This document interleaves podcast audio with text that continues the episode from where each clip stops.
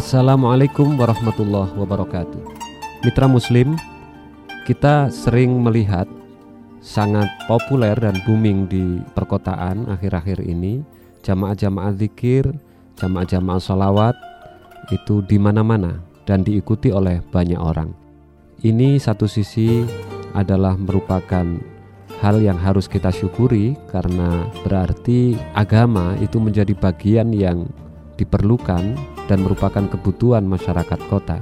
Tetapi di sisi lain, kita juga harus mengantisipasi fenomena ini, fenomena kebutuhan masyarakat terhadap agama untuk diselewengkan oleh orang-orang yang memiliki kepentingan-kepentingan tertentu.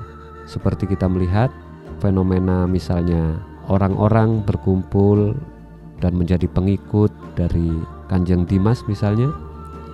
Mereka sebenarnya sedang mencari agama, sedang mencari solusi bagi problematika hidupnya dengan agama, tetapi ketemu dengan orang yang salah. Akhirnya, mereka bukan mendapatkan agama yang benar sebagai solusi dari kehidupan, dari permasalahan yang dihadapinya karena modernitas, tetapi justru tersesat jauh dari agama.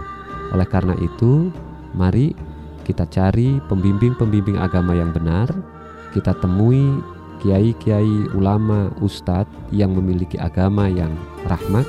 Mudah-mudahan kita mendapatkan ketenangan hidup dengan agama, mendapatkan solusi dari problematika hidup kita di tengah modernitas dan Allah Subhanahu wa taala meridhoi kita semua.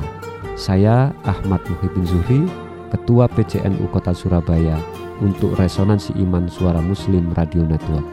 Wassalamualaikum warahmatullahi wabarakatuh.